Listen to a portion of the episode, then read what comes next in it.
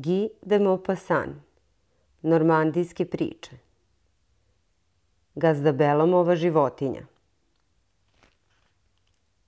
Poštanska kola za Avr baš su se spremala da pođu iz Kriktoa i svi putnici su čekali da se prozove njihovo ime u dvorištu trgovačke gostionice koji je držao Malandrensin. To su bila žuta kola na točkovima koji su takođe bili nekada žuti, ali sad gotovo sivi od nagomilanog blata. Poslednji su bili sasvim mali, zadnji, visoki i slabi, nosili su sanduk nezgrapan i širok kao trbuh u neke životinje.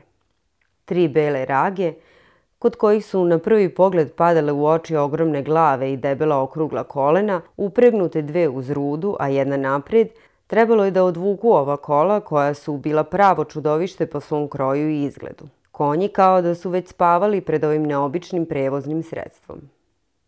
Kočijaš Cezar Orlavil, omalen čovek s velikim trbuhom, ali ipak žustar usled stalne navike da se penje na točkove i na krov, preplanula lica od poljskog vazduha, kiše, vetra i čašica rakije, očiju žmirkavih usled vetra i grada, pojavi se na vratima gostionice, brišući usta nadlanicom.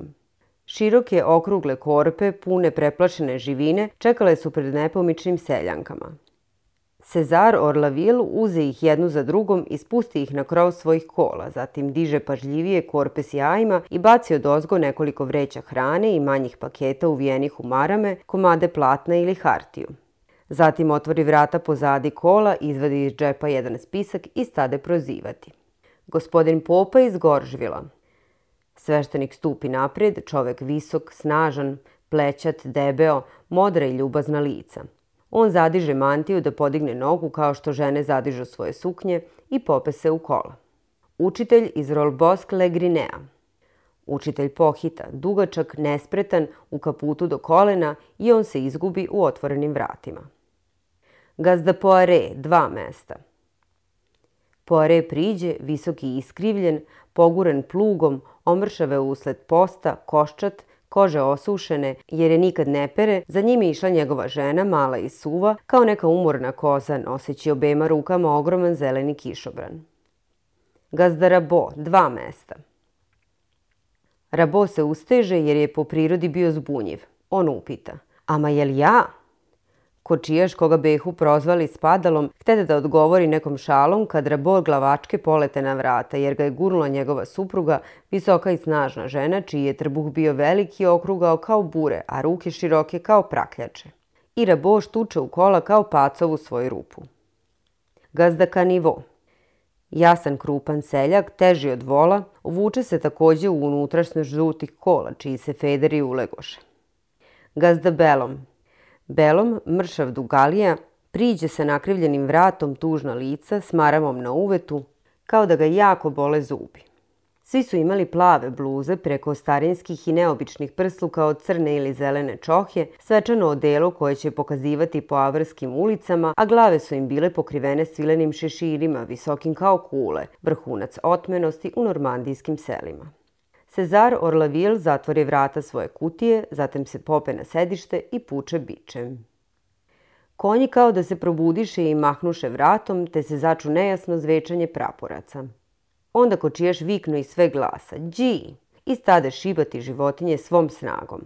One se razdrmaše, učiniše jedan napor i pođoše sitnim kasom, tromim i laganim a iza njih kola na kojima su se tresli rasklimatani prozori i sva gožđarija zarađalih federa, dizale su strašnu buku dok su se putnici ljuljajući se i njišući se usled truckanja povijali kao talasi prilikom svakog novog potresa. U prvi mah svi su ćutali iz poštovanja prema svešteniku koji je smetao razgovoru, ali on uze reč prvi jer je bio govorljiv i druževan. Pa gazda kanivo kako ide, Ogroman seljak koga je slično stasa, vrata i trbuha vezivala za sveštenika, odgovori smešeći se. Hvala Bogu, gospodine Popo, hvala Bogu, a kako vi? O, ja dobro. A vi gazda Poare? upita sveštenik. O, bilo bi dobro da nije izdala uljana repica ove godine, a na njoj se čovek jedino prikrpi. Šta ćete, nastala su teška vremena. Bog me teška, potvrdi žandarmskim glasom krupna žena gazdara Boa. Kako je bila iz jednog obližnjeg sela, sveštenik joj je poznavao samo po imenu. Jeste li vi blondelova, upita je. Jesam, a udala sam se za Raboa. Rabo, nežan, stidljiv i zadovoljan, pozdravi smešeći se, pozdravi dubokim klimanjem glave kao da je hteo da kaže jes ja sam Rabo, koji se oženio blondelovom. Odjednom ga za belom, koji je neprestano držao maramu na uvetu, stade tužno da ječi. Vikao je. Jao, jao, lupajući nogom o pod da izrazi sav svoj strašni bol. Zar vas toliko boli zub, upita sveštenik. Seljak prestade za trenutak da ječi i odgovori. Ne, gospodine Popo, ne boli me zub, nego uvo, i to duboko. Šta to imate u uvetu, nagomilanu mast? Ne znam je li mas, ali uveren sam da je neka životinja, neka krupna životinja koja mi se uvukla u uvo kada sam spavao u slami na tavanu. Životinje, jeste li sigurni?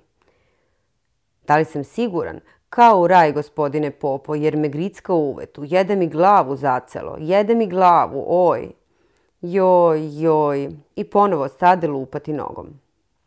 Kod svih prisutnih pojavi se velika radoznalost. Svako je davao svoje mišljenje. Pore je tvrdio da je to pauk, učitelj da je gusenica. To je već video jedan put u Camp Mireu u Orni, gde je živeo šest godina. Gusenica beše ušla čak u glavu i izašla kroz nos, ali čovek je ostao gluv na to uvo pošto mu je bubna opna provaljena. Preće biti da je crv, izjavi sveštenik. Gazdabelom s glavom zatorenom u stranu i naslonjenom na vrata jer se beše popeo poslednji, ječao je neprestano. Joj, joj, joj, zakleo bih se da je mrav, veliki mrav, toliko ujeda. Znate, gospodine Popo, sve trči Sve trči joj, joj što boli. Nisi išao lekaru, upita ka nivo. Naravno da nisam. Zašto? Strah od lekara kao da je izlečio beloma. On se ispravi, ali Mara mu nije skidao. Zašto? Zar imam para za njih, za te neznalice? Taj bi došao jedan put, dva put, tri put, četiri puta, pet puta. To bi stalo dva talira po pet franaka, dva talira zacelo. A šta bi uradio taj neznalica, a? Šta bi uradio? Znaš li ti? Kanivo se smejao. Ne znam, a kuda ćeš sad tako? Idem u Avr da vidim šambrelana. Koji ti je taj šambrelan? On leči. Leči? Leči. Izlečio je mog oca. Tvog oca? Da, mog oca u svoje vreme. A šta ti je bilo ocu? Uvatilo ga bilo u leđa pa nije mogao da makne. Pa šta mu je radio taj tvoj šambrelan?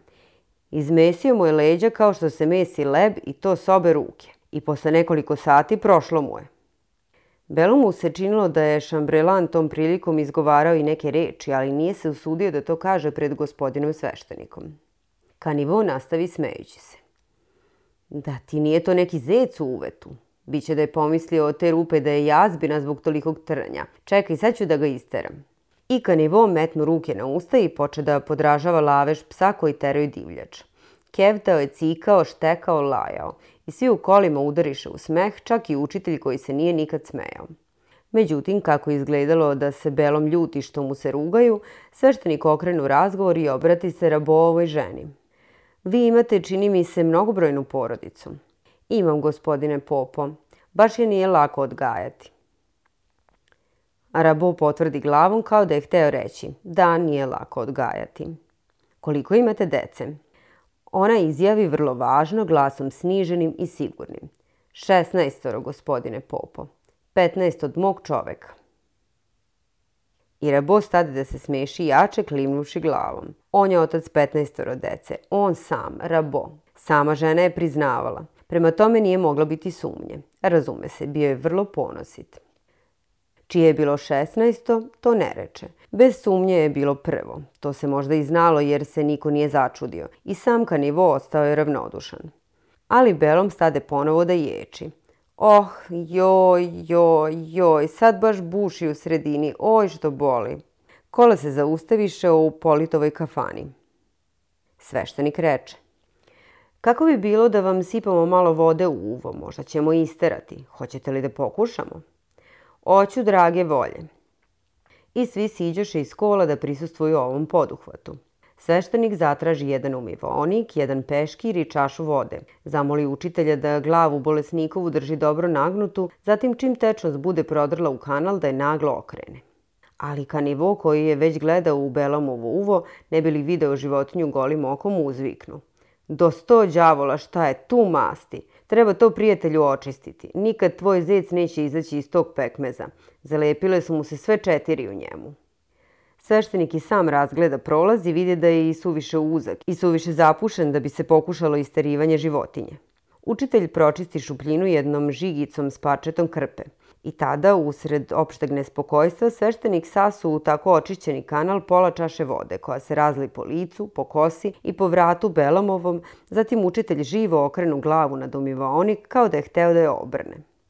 Nekoliko kapi pade u beli sud. Svi putnici navališe, ali nikakva životinja ne beše izašla. Kako je međutim Belom izjavio, ne osjećam više ništa. Sveštenik pobedonosno uzviknu. Mora da se udavila. Svi su bili zadovoljni, popeše se ponovo u kola. Ali tek što ova krenuše, Belom udari u strašnu viku.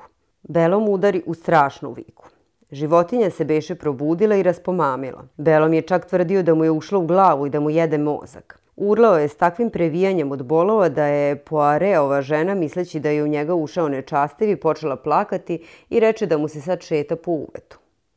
Podržavao je prstom pokrete životinje, čisto je video, pratio pogledom – Evo sad se opet penje, joj, joj što boli. Kanivo izgubi strpljenje. Voda je razdražila životinju. Možda je navikla na vino. Svi ponovo udariše u smeh. On nastavi. Kad dođemo u kafanu Burbe, daju jednu rakiju pa će se odmah smiriti, vidjet ćeš. Ali Belom nije mogao više da izdrži od bola. Stao je vikati kao da mu neko čupa dušu. Sveštenik je bio primoran da mu pridržava glavu. Zamolili su Cezara Orlavila da zaustavi kola kod prve kuće na koju naiđe. To je bio jedan major kraj samog puta. Tu preneše Beloma. Zatim ga položiše na kuhinski sto da počnu ponovo operaciju. Kanivo je stalno savjetovao da pomešaju rakiju s vodom da bi opili i uspavali životinju ili je možda ubili. Ali sveštenik je bio za sirće. Sad su mu mešavinu sipali kap po kap da bi prodrla do dna i ostaviše nekoliko minuta u organu u kome se nalazila životinja. Kako je opet donet jedan umivaonik, sveštenik i kanivo, ova dva džina, izvrnuše belom odjednom dok ga je učitelj udarao prstima po zdravom uvetu da bi dobro istresao drugo. I sam Cezar Orlavil sa bičem u ruci beše ušao da vidi. Odjednom na dnu umivaonika ukaza se neka mala crna tačka, sitna kao seme od luka, koja se micala. To je bila buva, Najpre se začuše uzvici iznenađenja, a zatim glasan smeh. Buva. E, to je dobro. Kanivo se udarao po butinama. Cezar Orlavilio pucao bičem, sveštenik je vrištao od smeha kao magarci kad njaču, učitelj se cere kao kao kad se kija, a obe žene kikotale su se kao kokoši kad kakoću. Belom beše seo na sto i uzevši na kolena umivaonih, posmatrao je s ozbiljnom pažnjom i veselim gnevom u očima pobeđenu životinju koja se koprcala u kapi vode on progunđa. Tuli si gade i pljunu na pod. Kočijaš izbezumljen od smeha ponavljao je. Buva, buva, tuli si gaduro, gaduro jedna. Zatim kad se malo smirio, viknu. Sad na put. Dosta smo vremena izgubili. I putnici smejući se neprestano uputiše se kolima. Međutim, Belom, koji je došao poslednji, izjavi. Ja idem natragu u Krikto. Sad nemam više nikakva posla u Avru. Kočijaš mu reče. Svejedno, plati svoje mesto. Ja ti dugujem svega polovinu cene, pošto nisam prešao pola puta. Imaš da platiš punu cenu jer si zadržao mesto do kraja. I tako nastade prepirka koja se ubrzo pretvori u strašnu svađu. Belom se kleo da će dati svega jedan franak, a Cezar Orlavil je tvrdio da će dobiti dva. I tako su vikali jedan drugome u lice, oči u oči. Kanivo ponovo siđe. Pre svega, dva franka duguješ gospodinu svešteniku, razumeš, a zatim po jednu čast svima, to čini 2 franka i 75 centima, a daćeš još Cezaru jedan franak. Je li pravo tako spadalo? Kočijaš zadovoljan što će Belo morati da ispovrti 3 franka i 75 centima, odgovori. Pravo je. Det plati. Neću da platim. Prvo i prvo sveštenik nije lekar. Ako nećeš da platiš, trpaću te u Sezarova kola i odneću te u avr. I džin čepa Beloma za krsta i diže ga kao dete. Belom uvide da mora da popusti. On izvadi kesu i plati. Zatim se kola krenuše prema avru, dok se Belom vraća u krikto. I svi putnici, bez jedne reči, gledali su sada na belom putu plavu bluzu Seljakovu koja se lepršala na njegovim dugim nogama.